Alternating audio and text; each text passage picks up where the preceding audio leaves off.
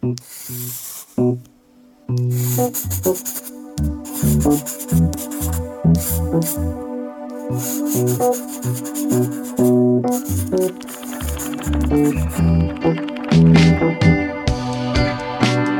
harte welkom bij de Potloodcast, een initiatief van de Illustratieambassade. Ik ben Jelly Brouwer en in deze podcast duik ik elke maand in het leven en het brein van een illustrator. En dat doen we aan de hand van vijf beelden. Wie is de persoon achter deze beelden? Wat maakt dat de beelden tevoorschijn komen? Een portret in geluid dus van iemand die in beelden denkt. En voor deze aflevering reisden we af naar het huis van Angela de Vrede in Beeldhoven. Ze tekent al een leven lang. Ze is geboren en getogen in Maastricht in een tijd dat het nog niet heel gebruikelijk was dat je als meisje naar de kunstacademie ging. Uiteindelijk werd er een eigen richting voor haar opgericht omdat ze niet in een hokje paste. In de jaren 60 vertrok ze naar Amsterdam. Jarenlang was ze de vaste illustrator van de Volkskrant in een tijd dat de krant langzaamaan in kleur ging verschijnen. Ze werd gevraagd door Dick Bruna en ze was de geliefde illustrator van een groot aantal non-fictieboeken, waarvan Botjes van Midas Dekkers de bekendste is.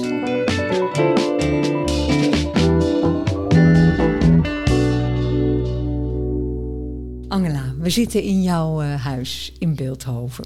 En um, we hebben je gevraagd voor de potloodkast. En we willen graag praten aan de hand van beelden die bepalend zijn geweest voor wie jij uiteindelijk bent geworden, namelijk een illustrator, een kunstenaar.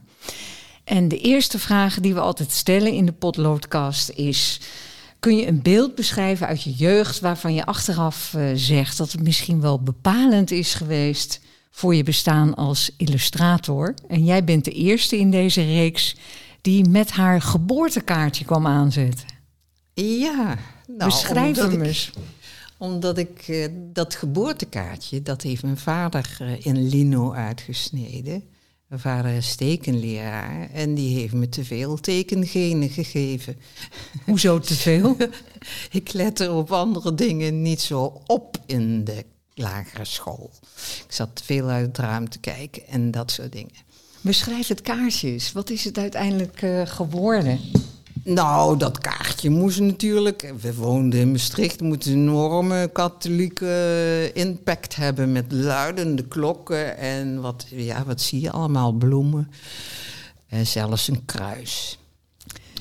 Het jaar 1948. Uh, 49. 49. Ja, ja, dat is jouw geboortejaar. Lino van Mathieu de Vrede voor geboortekaart. Was je de eerste in de rij? Nee, ik was de vierde en de kleinste en de jongste. Dus luisteren is mij bijgebracht. Wat voor vader had je? Een ontzettende schat. Ja, ja een hele ruimdenkende uh, man met heel veel wetenschap in zijn uh, brein. Dus talen en uh, perspectief. En uh, nou, ik werd een beetje verwend, want als ik niet op school oplette, kon ik het gewoon naar mijn vader vragen na de les. Dus ja. Want hij gaf op dezelfde school les. Nee, nee, nee, nee, nee, nee, nee, nee. Hij gaf op een lyceum was hij docent tekenen. En heeft hij jou het vak al van heel jongs af aan bijgebracht? Of ging dat gewoon aan de keukentafel als hij vanzelf? Kon me niet tegenhouden eerder dan bij, bijbrengen. Want ik zat constant uh, op het randje van de krant en uh, ik zag beelden, uh, vooral in die schoollessen, die dan iedere dag kwam een herhaling in, die, in, in het patroon van op onze lagere school hè, in die tijd. Dus de catechismus werden al die zonden en het verschil tussen hoofdzonden en zonden. En uh, daar begreep ik al niks van, want uh, hoofdzonde, dat was als je dus iemand vermoorde. Dat leek me ook onprettig om te doen.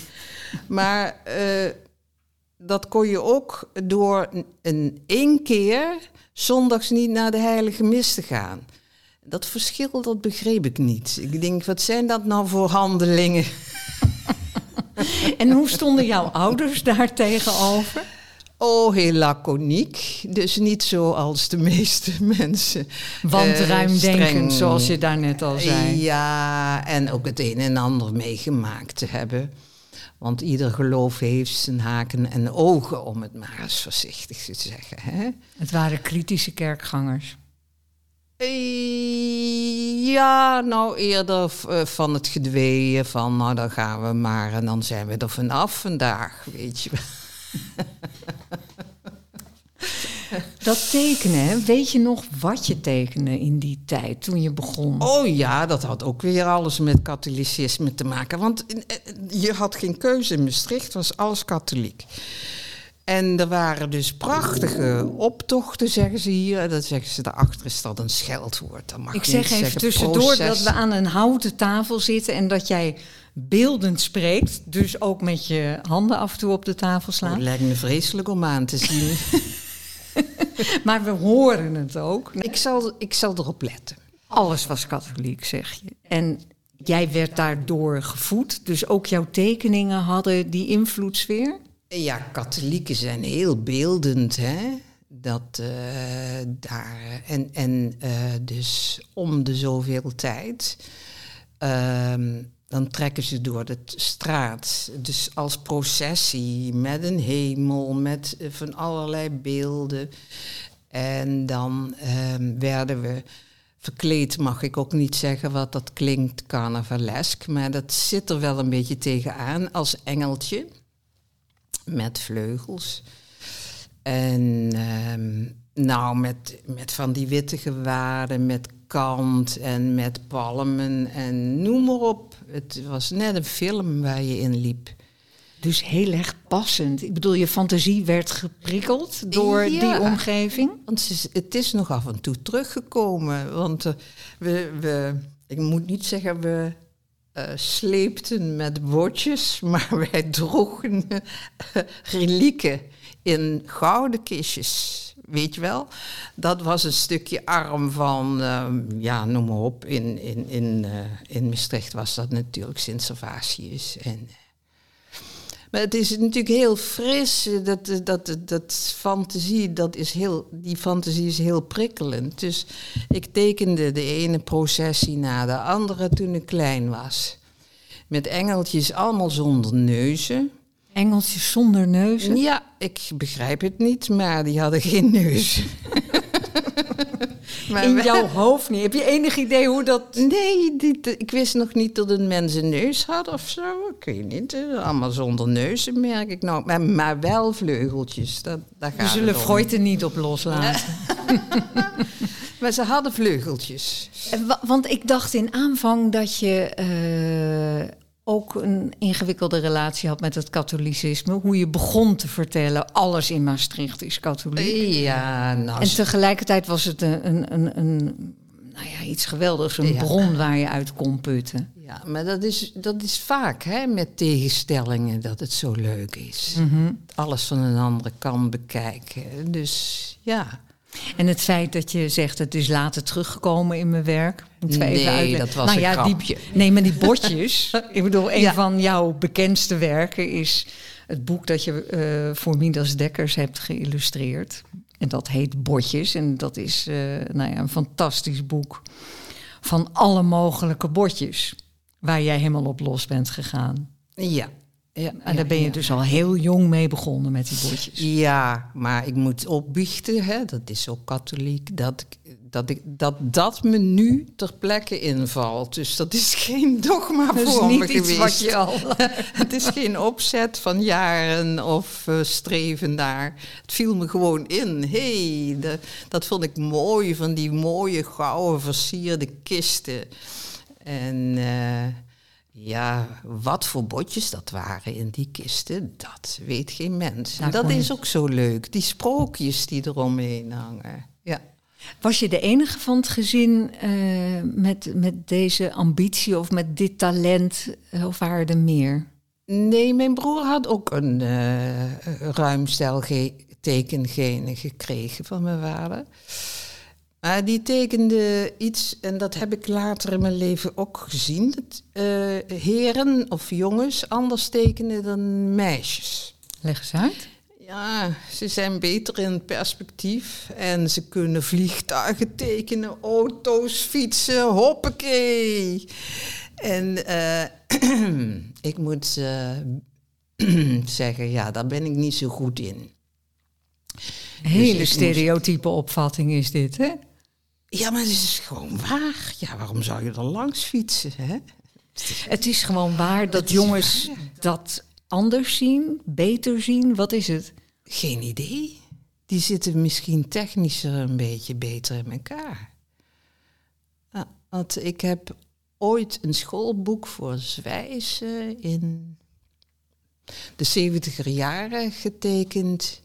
En dat ging om een bus met kinderen die dan eh, op een dagje uit waren. Mhm. Hoe teken ik een bus? Nou, ik denk, nou, dat gaat niet lukken, Angela. Dat, dat, dat weet ik. Ah, ik heb een bus in Londen gekocht, dacht ik. Dat zet ik als voorbeeld voor mijn neus neer. En nou hebben we een bus. En eh, volgens mij was het boekje al gedrukt. Toen za- zag iemand dat de kindjes aan de verkeerde kant moesten uitstappen. En dus allemaal plat. Een Later Engelse plat. bus. Ja, ja, ja, ja. Toen dacht ik, ja, kijk, dat is weer zoiets, hè. Maar ik, ik, ik ken mijn gebreken, dat is al... eh, Je vertelde nou net trouwens ook, maar dat is veel later in jouw leven, dat is zelfs onlangs nog, dat je een varken aan het spit moest tekenen in opdracht. En dat je ook dat nog nooit had gezien, maar dat je dus wel in staat bent om het dan in elk geval tevoorschijn te toveren en het precies zo te tekenen. Is dat hetzelfde verhaal als met die bus? Ik- Zie je dat ook als iets heel ik, heb technisch? het niet, ik, heb het niet, ik heb dat spit niet getekend. Alleen het varkentje. Dat moet je me... Nee, dat spit heb ik niet. Dat, dat, kan- dat, Je ging de beelden wel kan bekijken. Ik echt niet. Nee, maar dus, ik schrok er zo van. Dan keek ik naar zo'n slager die erachter stond. En ik denk, nou, dat wil ik ook niet zien. En dan ging ik door naar de... Nee, dat kan ik, ik, kan dat niet zien. Dat is gewoon truttigheid. Eh, dus, want het is wel realiteit dat we varkens eten. En, Maar een varken aan het spit en daarna kijken, bestuderen en dan vervolgens tekenen, het zou onmogelijk zijn voor jou. ik zou er geen plezier in hebben. En dus, ik zou die tekening gewoon eh, niet kunnen maken. Wat is het wel geworden? Tegenstellingen. Dus het varken handen geven en de slager pootjes. En nou, de klassieke manier van eh, ja, ergens langs fietsen. De zaken omdraaien. En eigenlijk schokkende beelden aanleveren. Ja, dat is, dat, dat is toch niet leuk, schokkende beelden. Nee. Maar met een twist. Mensen toch even laten zien hoe jij het ziet. Ja, dat moet dan ook wel. Hè? Dat, eh, dat kan dan. Als, het, als ik de kans krijg, ja. Maar ik moest niks hoor. Ik moest niet een varken aan het spit. Want die mensen die me die opdracht gaven zijn heel... eh, eh, die laten me vrij. Die vinden dat prima. Ja. Illustraties die jou op het spoor zetten van je keuze om eh, als illustrator door het leven te gaan. Daar vragen we ook altijd naar. Ehm, dat is je docent geweest. Hoe Ja. oud was je? Je, je hebt een, een, Klopt. een, een fragment uit een, eh, of een pagina uit je Poesie-album. Kun je voorlezen wat daar staat? Oh, ja, dat is toen ik acht was, hè? Acht jaar. Was nog lagere een kleintje. school. Angela de Vrede, waarvan droom je heden? Vast niet van je lesje, tekenaresje. De pater van de catechismus. En dat was zelf een kunstenaar, pater van Hemert. Ja, Toen was je dus acht. en kijk, ik had een drie voor gymnastiek. Ik zat altijd te dromen in een hoek. En ehm, nou, de, dat ik tekenen kon en aandacht kreeg en gestimuleerd werd in dat tekenen, dat hief die drie voor gymnastiek op. Het, uh, dus daar kon ik uh, gewoon mee door. Wat voor meisje was je? Ja, dat vraag ik me ook af. Ik had vriendinnetjes zat, maar wat ik nou voor meisje was, weet ik niet. Eigenlijk. Ik eh, mocht altijd wel verzinnen wat we gingen spelen. En dat vonden de vriendinnetjes wel ook wel handig, want. Uh, Je had veel fantasie. Uh, ja, veel. Soms veel te veel. Hè ik kan, ik kan mijn uh, woordenrij nooit of iets uitvertellen normaal. Dat uh, lukt niet, want ik heb allemaal zijpaden. En daar beland ik altijd op. Dus haal me maar van het pad af als ik het hoofdpad verlaat. En wat zag deze pater? Hij zag toen dus al een tekenaresje. Ja, ja, ja. Ja, dat is mooi. Want uh, meneer Kaplaan, uh, die uh, zag dat niet zo zitten. Want ooit heb ik eens een keer, hij had zo'n doosje waar tekenkrijt in zit. En ik moest altijd nablijven om Jezus weer aan, aan, het kruis te tekenen. Of ehm, Maria als er heilige dagen waren. Dan moest het bord vol. Wanneer werd duidelijk, Angela, dat je, um, dat je je werk ervan kon maken? Omdat ik gesteund werd door verschillende mensen die dachten dat, dat ik talent had. En daar voelde ik me door gesterkt. Want ik, ik had van nou, mezelf niet zo'n sterk beeld hoor. Ik dacht dat ik uh, een beetje een senieltje was, want die drie voor gymnastiek, dat was omdat ik de bok niet over kon springen en ook niet wilde springen, want ik denk, ik zie me al vallen en dat soort dingen. Was je een angstig kind? Nee, dat niet, want je kreeg ontzettend veel straf als je niet over de bok sprong. Dus, maar Jij weigerde dat gewoon? Ja, ik draaide me voor uh, voordat er gesprongen moest worden, draaide ik me om. En liep uh, de andere kant op. En dan kreeg je straf. Of straf, uh, kreeg je een uitbrandertje. Dus straf is dat meteen zo... Waarom gebruik je het ik woord heb... senieltje trouwens? Omdat mijn woordkeus niet altijd klopte. En ik was ook nogal dyslectisch. En kon daarbij links en rechts niet uit elkaar houden. En men, men dacht, dus als je riep van Angena, ga naar links, dan ging ik naar rechts. En dat blijf ik nog steeds doen hoor. en um, ja, dan, omdat men dacht dat ik dat expres deed, dat dacht ik, ja, wat, heb ik nou? Wat is dat nou? Hè? Dus als je dus op uh, dansles komt in je puberteit en je bent 14 of 15, weet ik veel hoe oud, dan uh, als, als jongens met je gedanst hebben, die komen niet meer terug, want die zijn, de schoenen zijn verpletterd. Dus ja, uh, dat, dat soort dingen, dat... Ik heb, ik, heb geen, ik heb geen jeugdfrustraties. Ik had heel leuke ouders en een heel leuk gezin. En eerder uh, te veel in de watten gelegd. Of te, Als jongste? Um, beschermd opgevoed, laten we het zo zeggen. Wanneer viel het besluit dat je uh, naar de academie zou gaan, dat je verder zou gaan met tekenen? Ik denk dat mijn vader er ook een hele grote rol in had. ja, dus, uh, want ja, ik, ik voelde me daar, ja, ik deed niks anders. Dus het lag heel erg voor de hand, kijken en tekenen. En ik vergat de rest om me heen.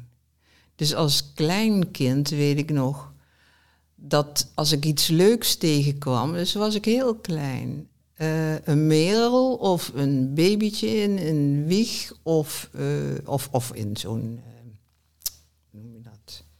Wandelwagentje. Dan vond ik dat zo leuk. Dan was ik zo blij. Dan ging ik handen wringen van blijdschap. Scheel kijken, dat kan ik nou nog steeds goed. en ehm, en dan dacht men van wat, wat, wat is dat voor kind? En vroegen ze aan mijn moeder van, wat is met haar aan de hand, weet je? Oh, serieus? En zei mijn moeder, oh, ze is zo blij. Oh, dus daar komt dat woord senieltje ook vandaan? Ja. Jij was dan zo blij met het beeld dat je voor je zag... dat je echt handenwrijvend en ja. schreeuwkijkend begon te tekenen. Ja, ja. Niet kon wachten totdat je het... Ja. Ja. Ja. ja. Je ging naar de academie. Welke academie was het? Dat was de Stadsacademie in Maastricht. En die uh, was nogal vrij conservatief. Een kunstacademie of wat? wat? Kunstacademie. Mm -hmm. Conservatief in welke zin? Nou, er werd tegen mijn vader gezegd, uh, directeur zei, zet haar maar op de modeafdeling, want ze komt hier waarschijnlijk kunstenaar teken, tegen en dat wordt dan wat. En dan, uh, ze hebben dan later niks te makken. En dan kan zij nog kinderjurkjes uh, maken of kleren, kinderkleertjes. Uh. Het lijkt wel het stenen tijdperk, terwijl ja. zo lang is het nou ook weer niet geleden. Nee, dat zijn de 50, begin 50 ja. jaren, ja. Nee, nee de academie is 60. Ja. 60, ja, jaren 60, ja. Dus toen brak in Amsterdam al de vrijheid los en in Maastricht uh, Nog niet. zat het pot dicht. En je kwam op die modeafdeling terecht?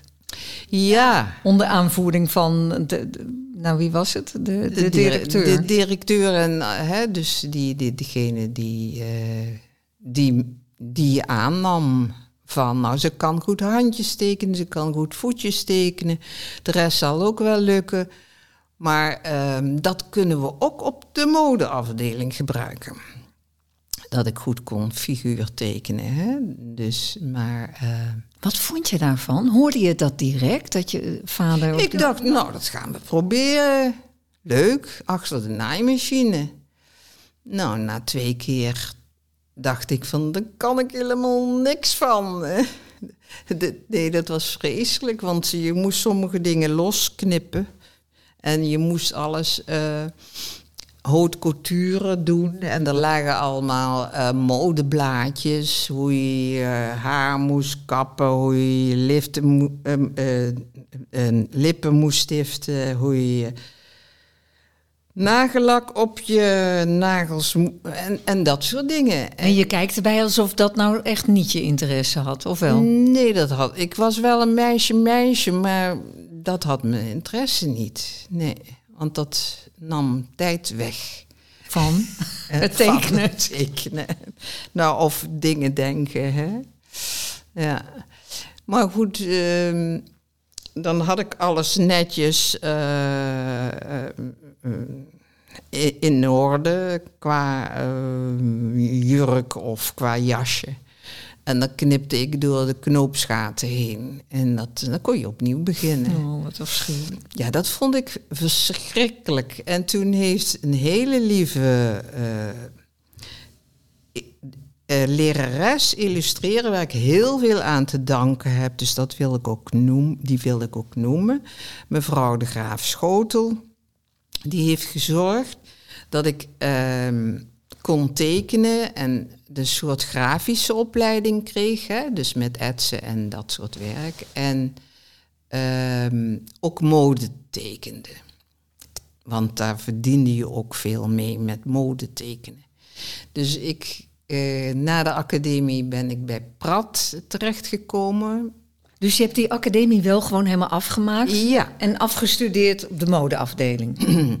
Met ja, maar op een nieuwe, op een, een, op een afdeling die mevrouw de Graaf had verzonnen. Mevrouw de Graaf Schotel. Ja, fantastisch. Ze was een heel uh, uh, een bijzonder mens. Nou, Maar begrijp ik nu goed dat er eigenlijk een hele afdeling speciaal voor jou is opgericht? nog, met, nog met iemand anders hoor. We waren met z'n tweeën. Fantastisch. Ja, ja, en hoe heette ja. die afdeling dan? Die heette modegrafiek.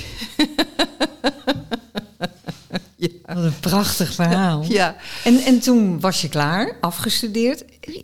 Had je niet ook een prijs gewonnen toen je was afgestudeerd trouwens? dat ben ik nu opeens? Dat heette de Hustingsprijs.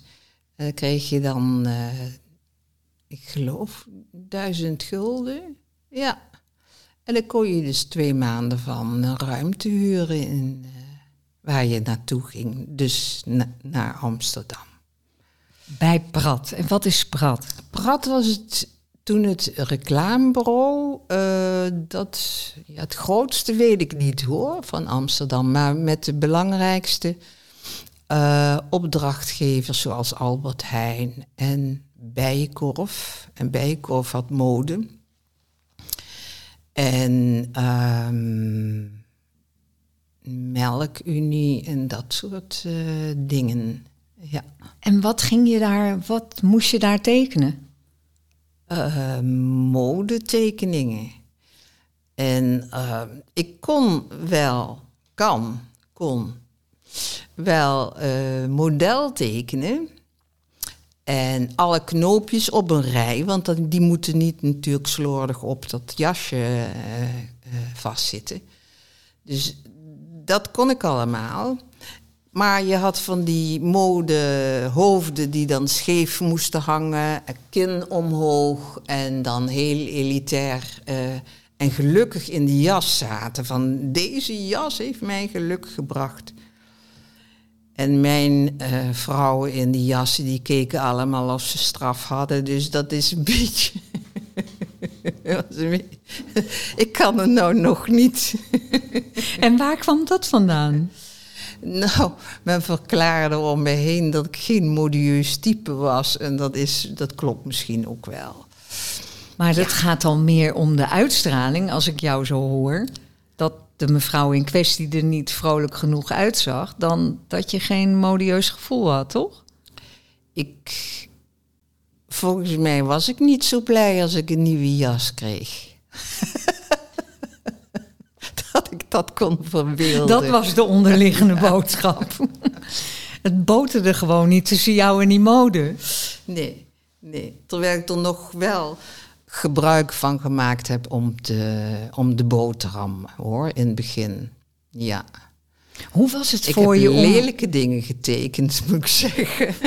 De Heb je nog werk daarvan trouwens? Nee, die van het hele begin niet meer. Nee. En hoe was het voor je om... Want je had die academie afgerond en hoe? En toen kreeg je dus de kans om naar Amsterdam te gaan. Hoe, was dat? Wat, wat voor... Nou, fantastisch natuurlijk. Eh, musea, eh, leuke mensen. En eh, er waren nog twee illu- illustratrices. En eh, die stoorden zich dus niet aan mijn zachte G, dus dat viel wel mee. Nou, het valt nog steeds op. Maar ehm, eh, die namen me mee naar bijvoorbeeld als er iets was op het Rietveld wat interessant was en zo. Dus dat waren hele, hele bevrijdende jaren waar je dus dat eh, ja, een hele andere gedachte, eh, breder van denken eh, eh, zich kon ontwikkelen. Dus ik zag me niet meteen ramen hoeven lappen en naar de huishoudbeurs te moeten voor erbij te horen. Ik kon doen wat ik wilde na Amsterdam. In mijn hoofd. Hè? Ja. In je hoofd zeg je Eh, eh, nadrukkelijk. Ja, natuurlijk. Ja. Ik bedoel, dat, dat blijft. Een, een mens die kan zich niet zomaar altijd uiten. Dat, eh, je moet ook wel een keertje je mond houden. Dat is altijd moeilijk voor mij. Hoor. Ondertussen was je in je werk dus niet heel gelukkig bij Prat. Of ben ik nu te kort door de bocht? wel nieuw, hè? Mm. Alles, alles was nieuw. Straten, eh, denkwereld. eh, ja. Hoe lang heb je bij Prat gewerkt? Bij het ik, ik denk anderhalf jaar. En toen? Toen ging ik weer terug naar het zuiden, naar Maastricht. Waarom? Voor de liefde, zoals iedereen die eh, rond de twintig is, ja, die loopt niet zo graag alleen rond. En ehm, ja, eh, na, even kijken, na twintig jaar ben ik weer teruggekeerd naar het noorden. Maar Amsterdam was te duur. Toen was er een Beeldhovenhuis wa- wat me beviel, wat eh, minder eh, duur was. En waar we nu aan de tafel zitten. Maar nu gaat het heel snel, want eh, je had dus een carrière. Dat ging fantastisch. Ik bedoel, je, je kwam vanuit Maastricht in Amsterdam bij Prat.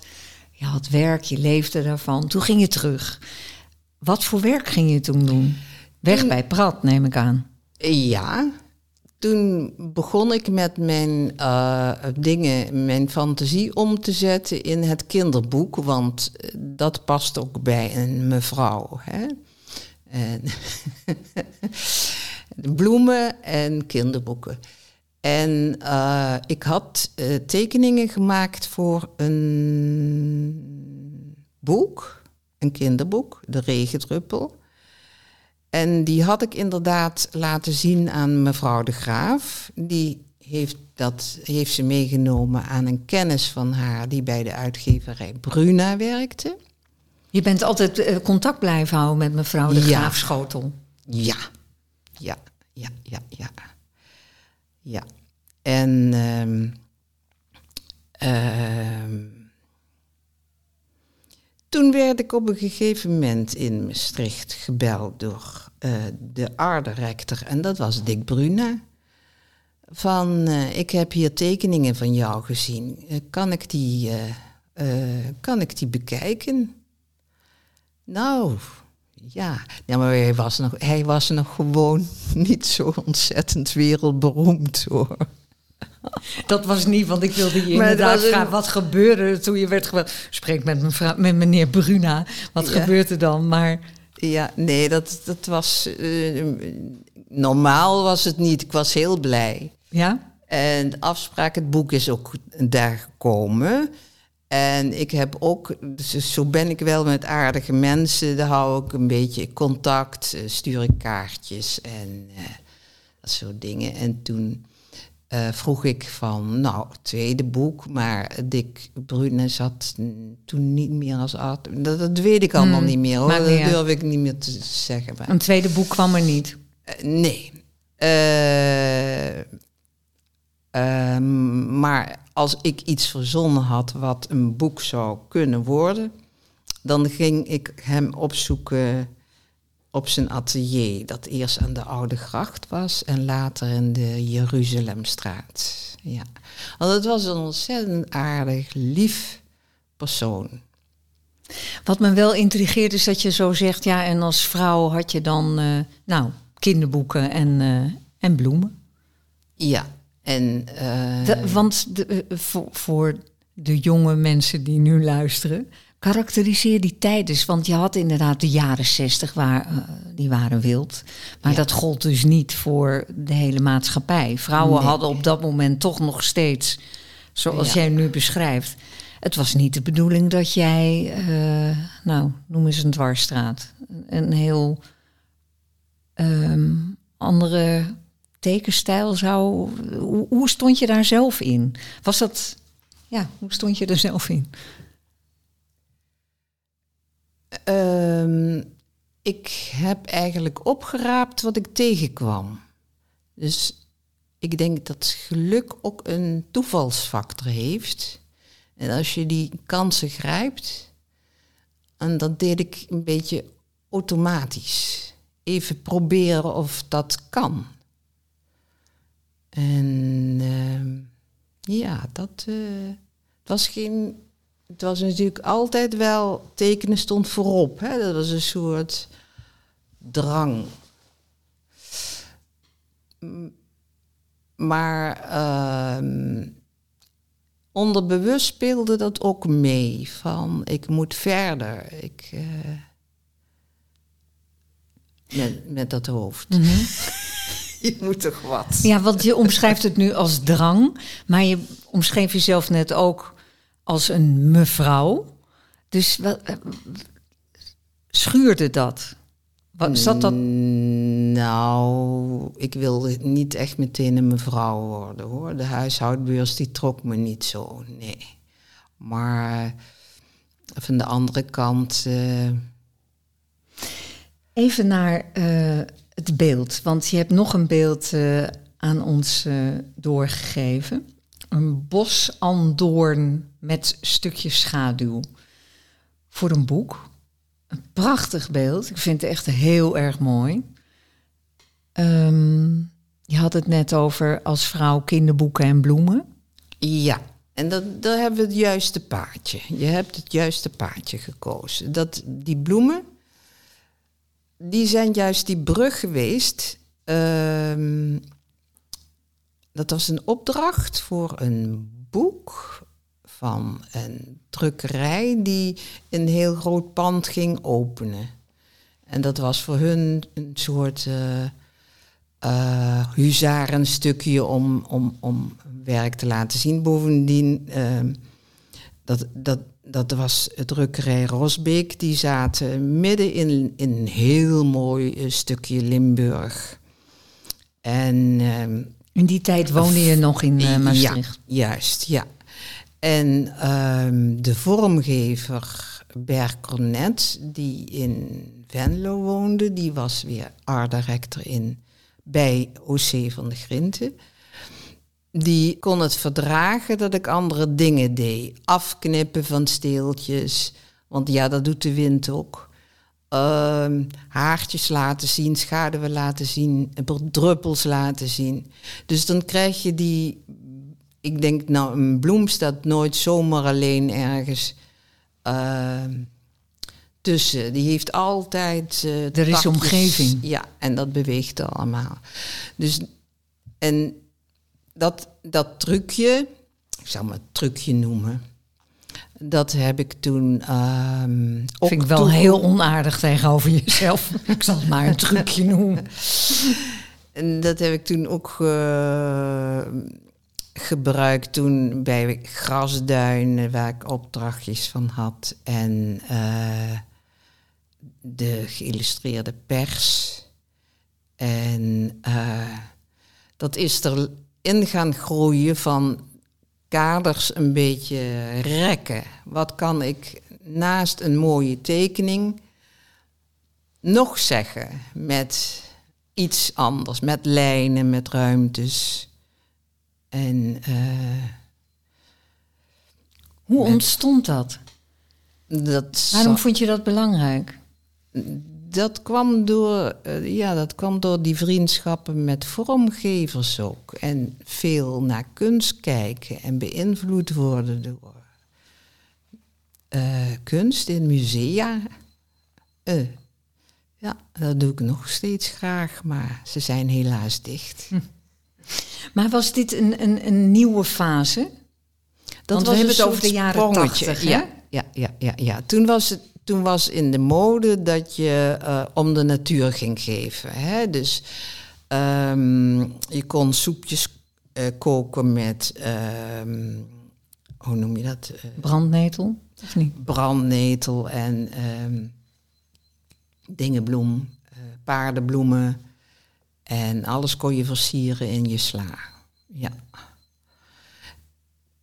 En ja, dat leverde lekker veel op, eigenlijk. En ik vond het ook leuk om te doen hoor. Ik had er ook plezier in. Als ik maar, als ik maar iets kon doen wat die plant eigen deed. Dus die bosandoren die maakt inderdaad van die, eh, die heeft van die bochten in. Tijdens, het, tijdens de groei. ja, dus je ja. ziet... eh, nou ja, je ziet de beweging heel erg in de tekening eh, eh, die je hebt gemaakt. Wat, ehm, wa- wa- dat is me niet helemaal helder. Je, je werkte dus bij Prat, ging toen naar Maastricht vanwege de liefde, zoals je dat dan noemt, zei je net, heel eufemistisch. En ehm, ben je vanaf dat moment in opdracht gaan werken? Of de- de- je kreeg je een bloeiend freelance bestaan. Hoe, hoe zag het eruit? Het freelance bestaan is heerlijk. Maar af en toe dan zat je zonder opdrachten. En dan moest je je potje leeg eten, zei ik altijd op de bank. ik heb het altijd gehaald. En wat tekende je? Wie waren je Oh, opdrachtgever? Uit, uit, en dan denk uit. eh, eh, ik, ben, ik heb nooit hongersnood en de kinderen ook niet geleden. Dus eh, ik tekende voor eh, eh, allerlei schoolboeken vol. En sommige die waren heel leuk. Nederlandse boeken vond ik mooi om te tekenen. Daar kon ik ook veel meer vrijheid kwijt. En dat, dat was ook niet alleen de, de opdrachtgever, maar in mijn hoofd zat er dan meer vrijheid. Hè? Ja, en wiskundeboeken. En dat waren meestal constructief, eh, een beetje constructivistische dingetjes waar je dan eh, nog eens een wolkje in tekende. En, eh, of een hondje of zo. Waar ging je hart naar uit? Wat tekende je het liefst? De Volkskrant. Het Ja. wetenschapskatern. Het wetenschapskatern en boeken en Cicero. En. Je, je hebt die prachtige boeken vol met oude Volkskrant bijlages waar jouw werk in te zien is. En ik herken het ook. Ik denk, oh ja, dat was toen die tijd. En jouw stijl. Je hebt echt heel veel voor de Volkskrant eh, getekend. Wat maakte dat los bij je? Wat, wat, waarom was dat zo fijn? ja, dat kan ik bijna niet onder woorden brengen. Omdat ik, ja, dat, dat, dat vond ik zo'n mooie wedstrijd met jezelf. Krijg je het weer klaar? Wat ga je nu doen? En ehm, als, als je dus geen, oh, om het rare woord, eh, inspiratie maar te noemen, inspiratie had omdat je, eh, een keertje was ik zo down als een deur, dat heeft ieder mens wel eens. Daar had iemand me meegenomen naar de Chinees. Daar zaten we aan tafel. En ik potverdorie, ik had thuis aan die tekening moeten eh, zitten. Die moet morgen naar Amsterdam. Nou, wat zou ik doen? Oh, ik doe niks meer, weet je wel, zo- zo'n zo'n situatie. Ik zat zo met mijn eh, hand onder mijn kin. En ik staarde en ik staarde en ik zag dat ik naar een roze anjer zat te staren. En die, er stonden er drie op tafel. Ik denk, ja, als je nou niet eh, met die roze anjers kan, dan kan je ook niks meer. En toen zei ik, ik ga naar huis. En toen heb ik drie anjers getekend, allemaal knalroze. En het onderwerp, dat was roze varkentjes, dus die tekende ik dus daaronder. En dan had ik meteen een binding. En die anjers, die had ik dus helemaal in die bovenste balk waar de Volkskrant eh, letters staan. Ja, en dan denk ik, ja, zo maf is een deur natuurlijk. Een maar dat- wedstrijd met jezelf. ja, dat, was een, dat kun je wel zeggen dat dat eh, inderdaad een wedstrijd is van jezelf. En ook als je dus zegt van, eh, goh, nou, dat eh, had ik nou niet. Dus in de, ik heb tien jaar in zwart-wit met steunkleur eigenlijk gewerkt. Ja, dat moet je even uitleggen, want dat is. Ik bedoel, de jaren tachtig, ja, dus, dus 40 jaar geleden nu. Toen waren de kranten nog niet digitaal, die werden nog niet digitaal gemaakt, uiteraard.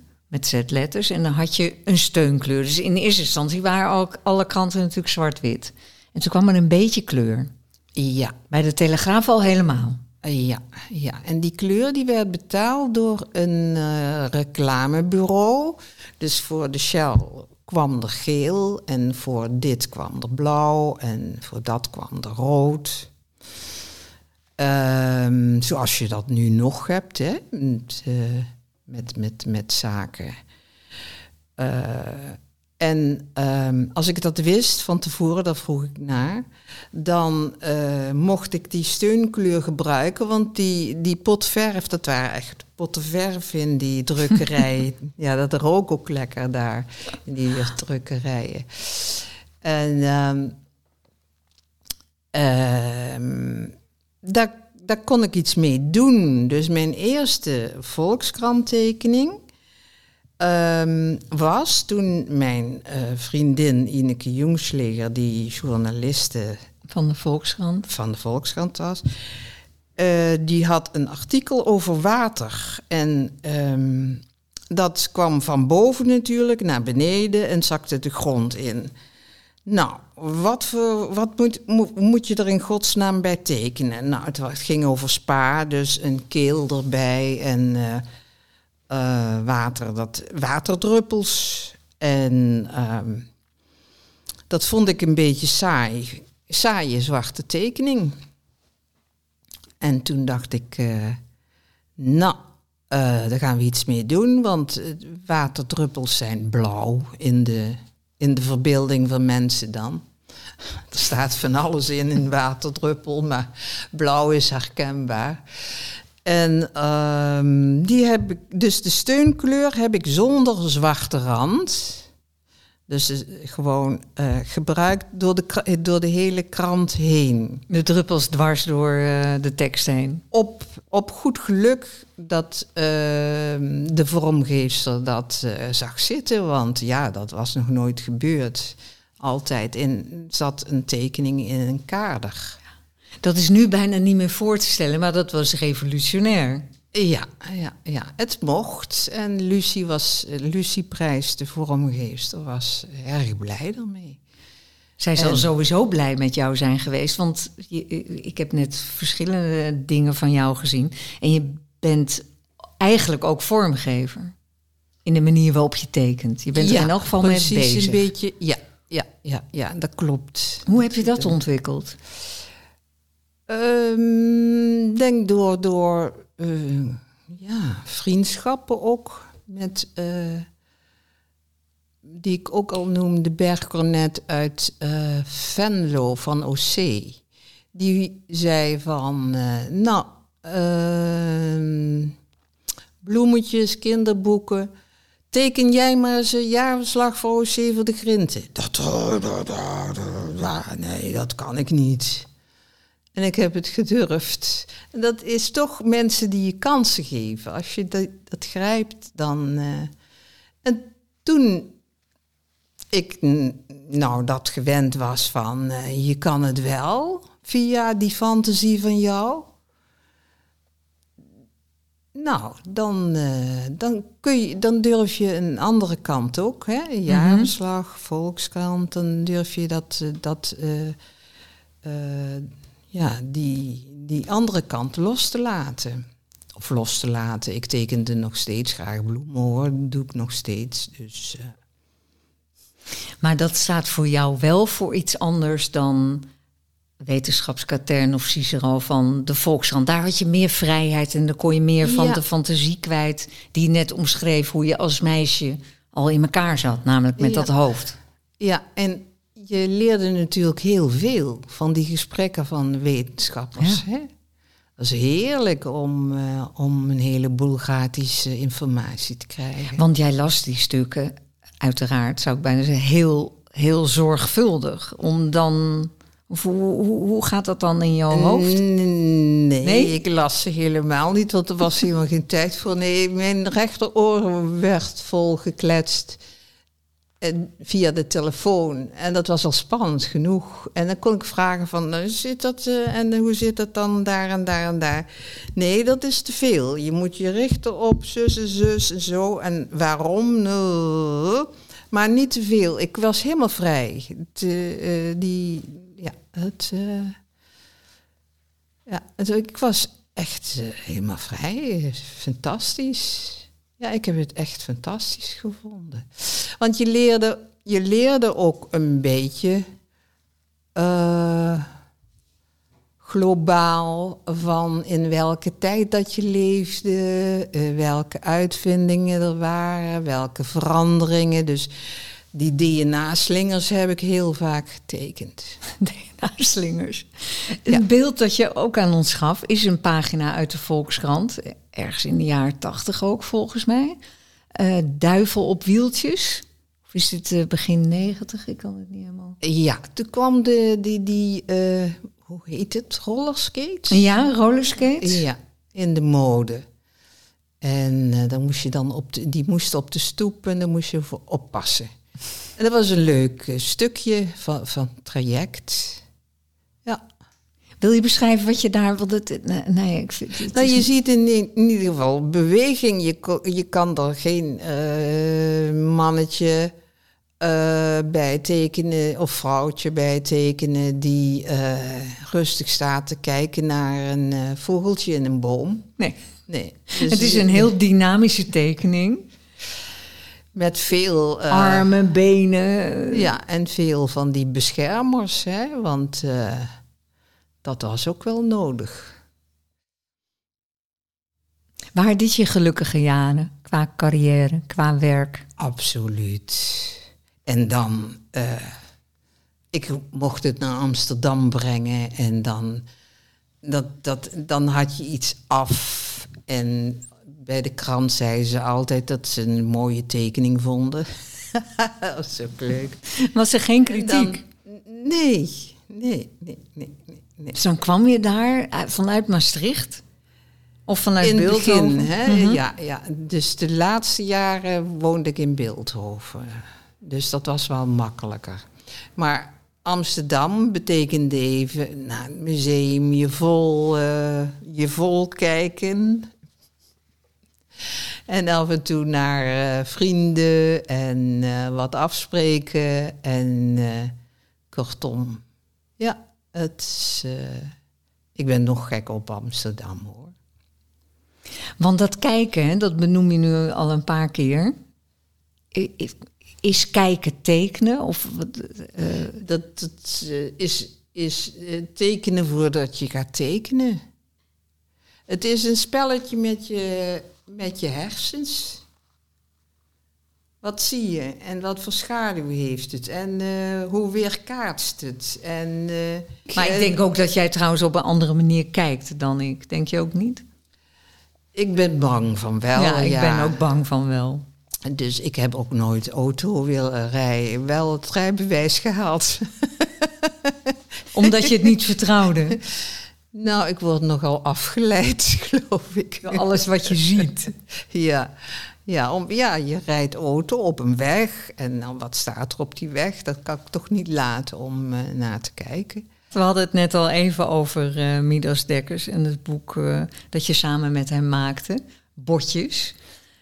Um, ja, wil je vertellen, hoe is dat ontstaan, dit boek? Nou, dus die samenwerking is iets wat de uitgeverij Meulenhof heeft bedacht. Van... Uh, uitgeverij Meulenhof wilde in 1982 of 83, dat weet ik niet meer, een educatieve uitgave doen, beginnen.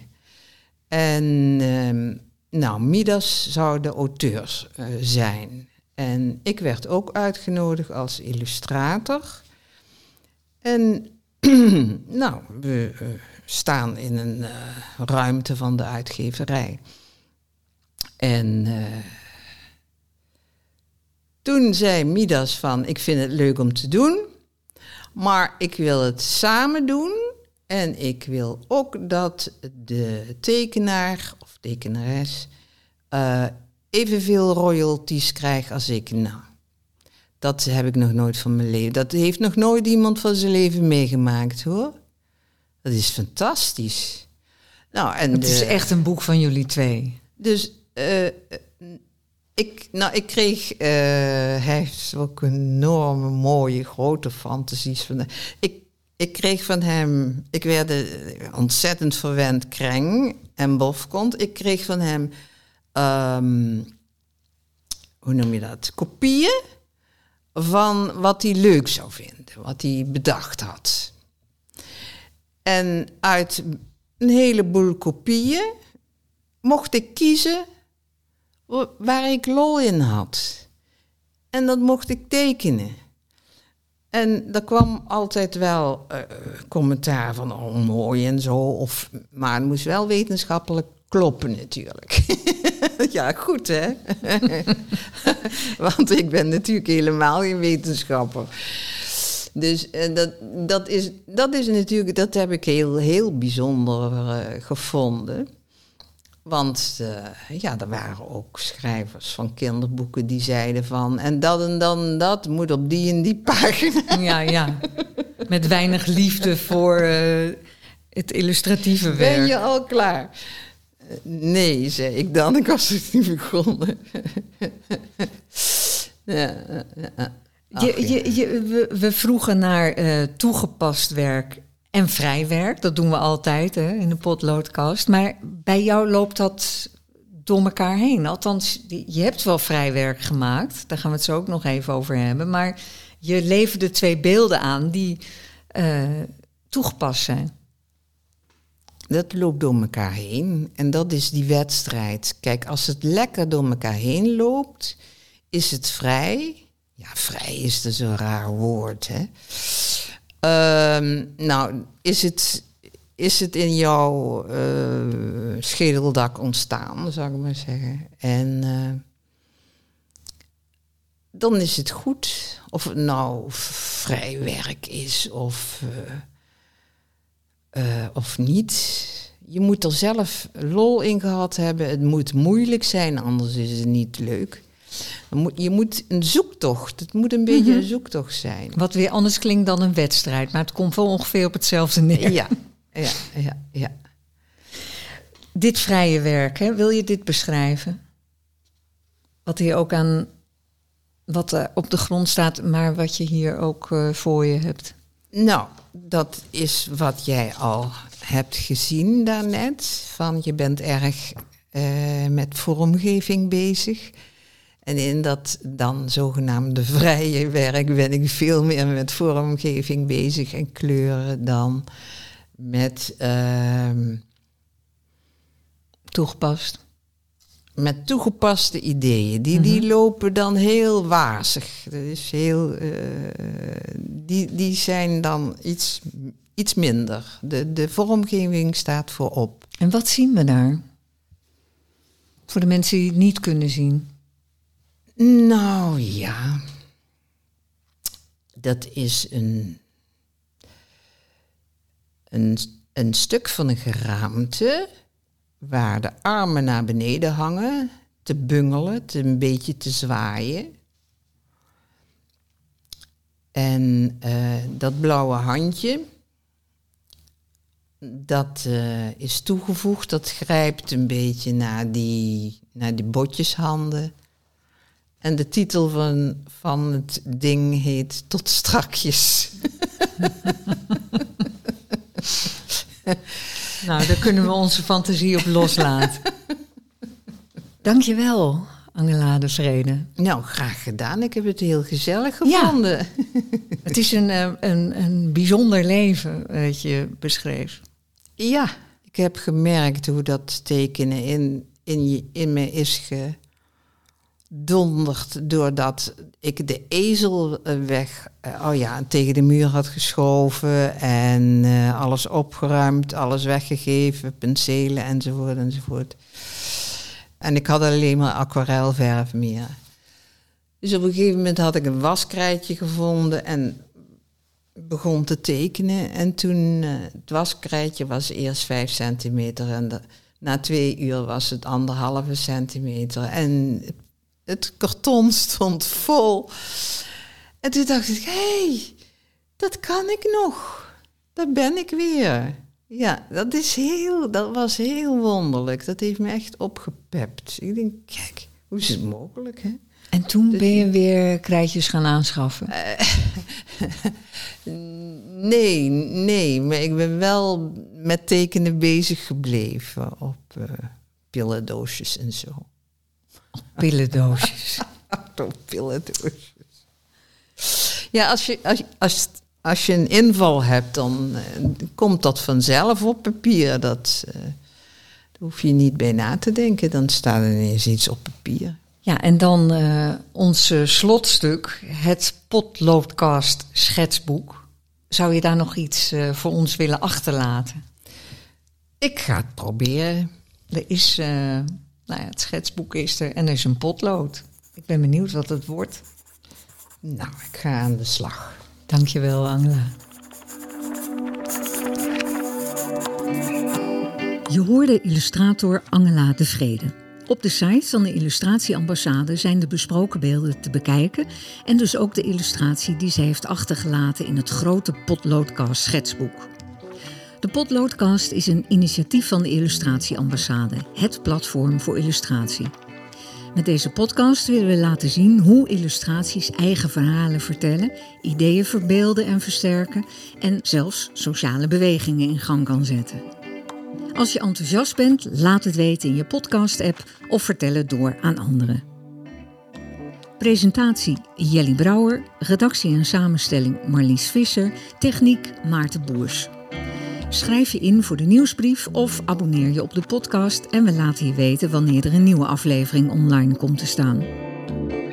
De Potloodcast wordt mogelijk gemaakt door steun van de Fiep Westendorp Foundation, Pictorite en het Stimuleringsfonds voor de Creatieve Industrie.